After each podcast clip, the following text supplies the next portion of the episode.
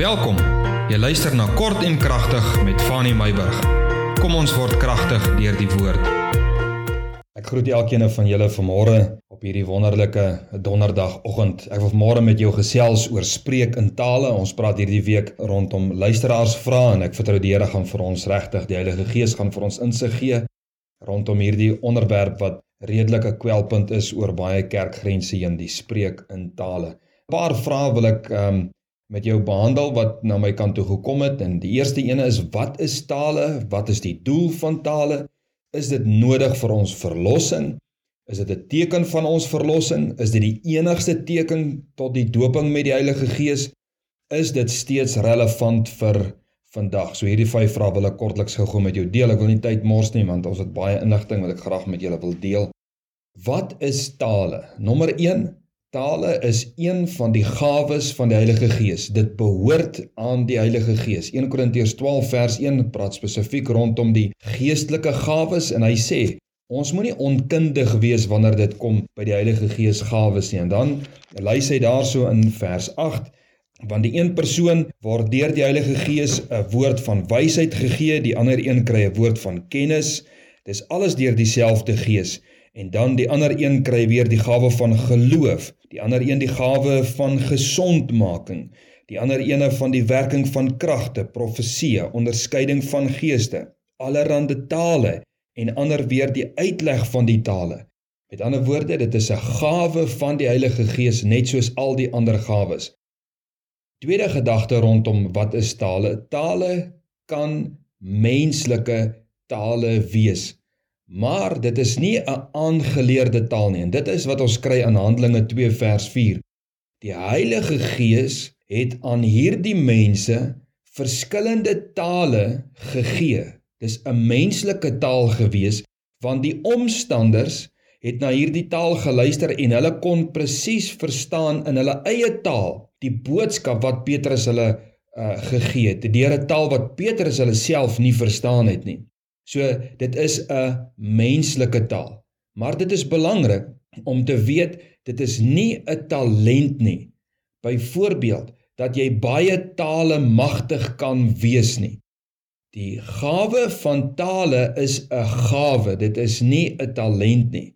Dit kan ook 'n geheime taal wees, nê? Dit kan 'n menslike taal wees soos wat Handelinge 2 vers 4 van praat, ander kan dit verstaan of dit kan 'n geheime taal wees. 1 Korintiërs 13 vers 1. Hy praat spesifiek. Hy sê al sou ek die tale van mense en van engele praat, maar ook in hande um, 1 Korintiërs 14 vers 2.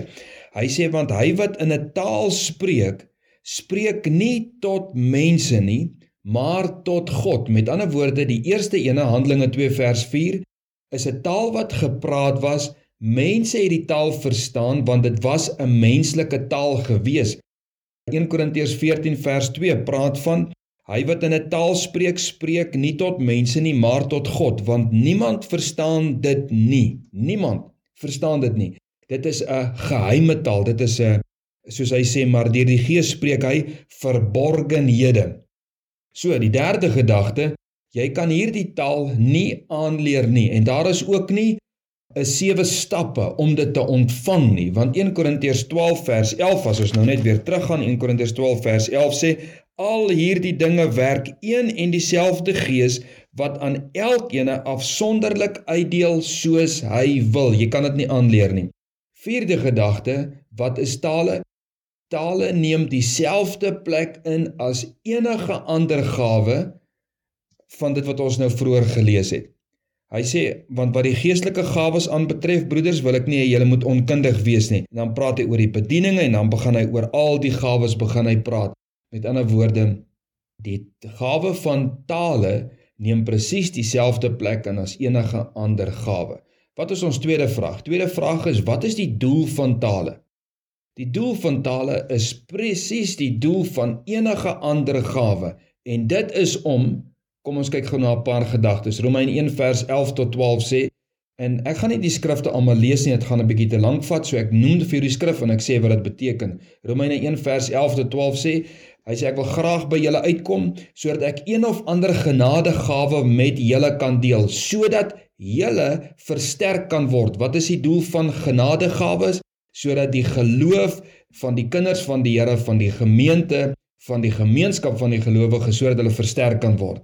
En dat Paulus sê dat ek self, ek Paulus en die gelowiges bemoedig kan word. Dit is die doel van die gawes deur almal se geloof met ander woorde tot stigting van almal se geloof.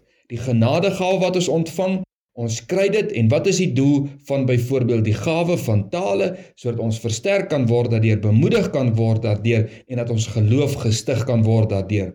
1 Petrus 4 vers 10 tot 11 sê ons ontvang die genadegawes sodat ons mekaar daardeur kan dien nommer 1 en nommer 2 dat God daardeur verheerlik sal word. Die derde gedagte wat is die doel van tale? 1 Korintiërs 14 vers 5 en ook vers 12 stigting van die gemeente. Markus 16 vers 17 en Handelinge 2 vers 4 Die doel van tale is onder andere 'n teken van die vervulling met die Heilige Gees. Jesus het gesê in Markus 16 vers 17, hy sê: "Julle sal wonderwerke doen, maar julle sal ook in tale spreek. Julle sal duiwels uitdryf, maar julle sal ook in tale spreek." 1 Korintiërs 14 vers 22 sê hy: "Wat is die doel van tale onder andere? Dit is 'n teken vir ongelowiges." Nou wat beteken dit? Want 'n ongelowige kan dit goed mos nie verstaan nie. Maar As dit ordelik geskied, beteken dit wanneer die tale gespreek word en uitgelê word as 'n teken dat die Heilige Gees dit gegee het en die betekenis daarvan gegee word met ander woorde wanneer dit uitgelê word dan sien die ongelowige die Heilige Gees is hier God is hier want ek verstaan nie die taal nie maar iemand spreek die taal iemand anders lê die taal uit en ons weet presies wat is die betekenis van daardie taal. So die ongelowige Dis nie te sê die ongelowige gaan tot bekering kom nie, maar die ongelowige kan sien God is hier. En 1 Korintiërs 14 vers 14, wat is die doel van die tale toegewyde gebed? Dit is hoekom hy sê in Korintiërs 14 14, ek wil dit gou-gou vir jou aanhaal. Hy sê as ek in 'n taal bid, dan bid my gees, maar my verstand is onvrugbaar. So dit gaan ook daaroor die taal gebruik jy in 'n toewydingsgebed. Die derde vraag wat gekom het, die deel van die vraag rondom die tale, is dit nodig tot verlossing? Nou hier wil ek kortliks sê dis een van die groot dwaalleringe rondom die spreek in tale. Die aanmaning word gemaak dat as jy nie spreek in tale nie, het jy nog nie eers tot bekering gekom nie, want die eerste teken van bekering is die spreek in tale en dit is nie die waarheid nie. Dit is nie die realiteit nie en daarvoor kan ek en jy die woord van die Here gaan bestudeer. Dis ver van die waarheid want verlossing sê die Bybel sê Efesiërs is 'n genadedaad van Jesus Christus wat ons red uit die duisternis van onsself en van sonde en ons inbring in die lig van sy heerlikheid en verlossing en genade en ewige lewe en 'n geestelike lewe. Dit is verlossing. Die gawe van tale word bygelas en kan die Heilige Gees uitdeel soos wat die Heilige Gees wil soos wat ons vroeër gelees het. Maar dit is nie nommer 1 nodig tot ons verlossing nie. Dit is nie soseer 'n teken dat ons wel verlossing ontvang het nie. Die spreek in tale is nie nodig of 'n bewys van jou verlossing nie. Dit is die derde deel van die vraag. Die vierde deel van die vraag is is dit die enigste teken tot doping met die Heilige Gees. Ons het nou gepraat oor is dit nodig vir verlossing? Hierdie vraag gaan oor is dit die enigste teken tot doping met die Heilige Gees ook 'n eeue oue kwelpunt rondom en onder die gelowiges. Tale, alhoewel dit die eerste en enigste teken met die uitstorting van die Heilige Gees was op Pinksterdag. Ek wil nie eers sê die enigste teken nie, want daar het ander dinge ook plaasgevind op daardie dag van Pinkster. Maar op Pinkster het hierdie tale het uitgebars uit die mense se binnekant uit.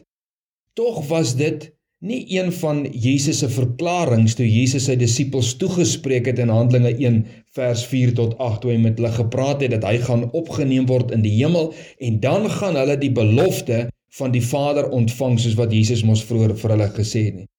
En behalwe nou vir Markus 16 vers 17 waar hy spesifiek praat van duiwels sal uitgedryf word en hulle sal spreek in tale, is al die ander beskrywinge van die Heilige Gees nie net tale nie. As Jesus met sy disippels en sy apostels praat en vir hulle sê die belofte wat ek aan julle gemaak het van die Heilige Gees wat oor julle sal kom, spreek Jesus nooit eers van die tale nie. Maar onder andere, julle sal getuienis wees. Dit is die Gees van waarheid wat oor julle sal kom. Julle sal vertroosting ontvang. Hy is julle leidsman, hy is julle vrede. En Handelinge 4 vers 31 toe die disippels, die apostels saam gaan bid het oor die geweldige vloed van vervolging, het die Heilige Gees oor hulle gekom en wat het gebeur? Hulle het met vrymoedigheid die woord van God gespreek. So is dit die enigste teken tot die doping met die Heilige Gees? Dan kan ek sê op grond van die woord is dit nie die enigste teken nie. So tale is nie die enigste teken nie, maar 'n teken, maar een van vele met ander woorde. En dan belangrik om te weet, geen gawe word hoër geag as die volgende nie, maar sommige is meer funksioneel as ander. Soos wat Paulus byvoorbeeld sê in 1 Korintiërs 14 vers 19. Hy sê maar in die gemeente wanneer ons bymekaar kom, wil ek eerder vyf woorde met my verstand spreek om ook ander te onderrig as 10000 woorde in 'n taal. Verstaan jy wat ek bedoel as ek sê geen gawe word hoër geag as die volgende nie, maar sommige is meer funksioneel as ander. En 14 vers 5 sê Ek wens dat julle almal in tale spreek, maar nog liewer dat julle profeteer, want hy wat profeteer is groter as hy wat in tale spreek of hy moet dit kan uitlê sodat die gemeente stigting kan ontvang. Hy sê so die tale is belangrik, die tale is daar, die tale is is relevant. Maar as dit gaan oor die gemeentelike byeenkoms is dit belangriker dat ons sal profeteer want onthou almal moet stigting daardeur ontvang. Goed, wat is die vyfde deel van ons vraag? Is spreek in tale steeds relevant vir vandag 'n geweldige relevante begrip. En dit bring ook redelike kontroversie oor hierdie deel van die vraag. Sommige huldig die standpunt dat dit saam met die apostoliese era uitgesterf het. Toe die laaste apostel gesterf het, het tale uitgesterf want dit het sy doel uitgedien. Dit is die gedagte. En tog kan ons nie hierdie aanmaning maak nie, want tale, soos ons gesien het, word nie uitgesonder van enige ander gawe nie. So as ons sê dat die tale uitgesterf het, beteken dit dan ook dat die ander gawes moes ook uitgesterf het. Want tale het nie 'n minder of 'n slegter plek of rangorde as enige ander gawe nie, alhoewel ons gesien het dat dit meer funksioneel is om ander gawes uit te lewe. Paulus praat byvoorbeeld met gewone gemeentelede in die Korintiërs en hy sê in 1 Korintiërs 14 vers 5 Hy sê ek wens dat julle almal in tale spreek. Dit is sy wens en ook in 1 Korintiërs 14 vers 26 Hy sê hierso, hy sê hoe staan hoe staan die saak dan broeders? Hy sê as julle saamkom in die gemeente nê, dan het elkeen van julle of julle het 'n psalm, julle het 'n 'n lering of julle het 'n taal of 'n openbaring of 'n uitlegging van daardie taal. So dit is steeds relevant. Paulus praat net baie duidelik dat wanneer hy praat van byvoorbeeld die tale, is daar 'n baie duidelike riglyn as dit vandag toegepas word soos wat dit toegepas was in die gemeente van Korintiërs onder andere en al die ander gemeentes. Dit was nie net vir Korintiërs nie, maar dit moes vir almal gewees het want die Heilige Gees werk mos oral en in alle gemeentes. So wat is Paulus se gedagte wanneer die tale beoefen word? Nommer 1, dit moet stig en dit het ons gesien. Dit moet stig. Nommer 2, dit moet ordelik wees. As daar in tale gespreek word, geen saamgepraatery en 'n Babelse verwarring soos ons baie keer vind in bewegings en dit skrik baie mense af en dit gee 'n swak en 'n verkeerde beeld rondom die gawe van tale. Maar miskien 2 of 3 mense wat beurte maak en een moet dit kan uitlê. Anders moet so 'n persoon by homself verder bid soos wat uh, Paulus sê. Hy sê as iemand in 'n taal spreek, laat dit wees 2 of hoogstens 3 en by beurte. Daar's orde en laat een dit uitlê. As almal 'n Babelse verwarring spreek, Niemand lê dit uit nie. Dan sê die dan sê die vreemdeling, dan sê die ongelowige, hier hoort ek nie en dan word daar gelag vir die Pinkster erfenis. En dit is nie hoe dit veronderstel is om te wees nie. Die derde gedagte, jy is nie in 'n trance nie. Baie belangrik. As jy 'n taal spreek, jy is nie in 'n trance nie. Jy verstaan dalk nie die taal wat jy spreek nie. Maar jy is nie in 'n trance nie. Jy's nie iewers weggevoer en jy het weggeraak en amper verdwaal geraak nie. As jy in 'n trance gaan en onbeheerst optree, is dit een van twee dinge. Jy's of demonies beset of jy funksioneer in die okkulte. Kind van die Here, ek vertrou dat dit vir jou insiggewend was vanmôre. En as jy oor hierdie onderwerp enige ander vrae het, kontak my gerus en ek sal probeer my bes deur die hulp van die Heilige Gees om jou te beantwoord. Mag die Here jou seën, mag die Here jou vrede gee vir hierdie dag en vir jou insig gee rondom hierdie belangrike saak. Alles wat mooi is.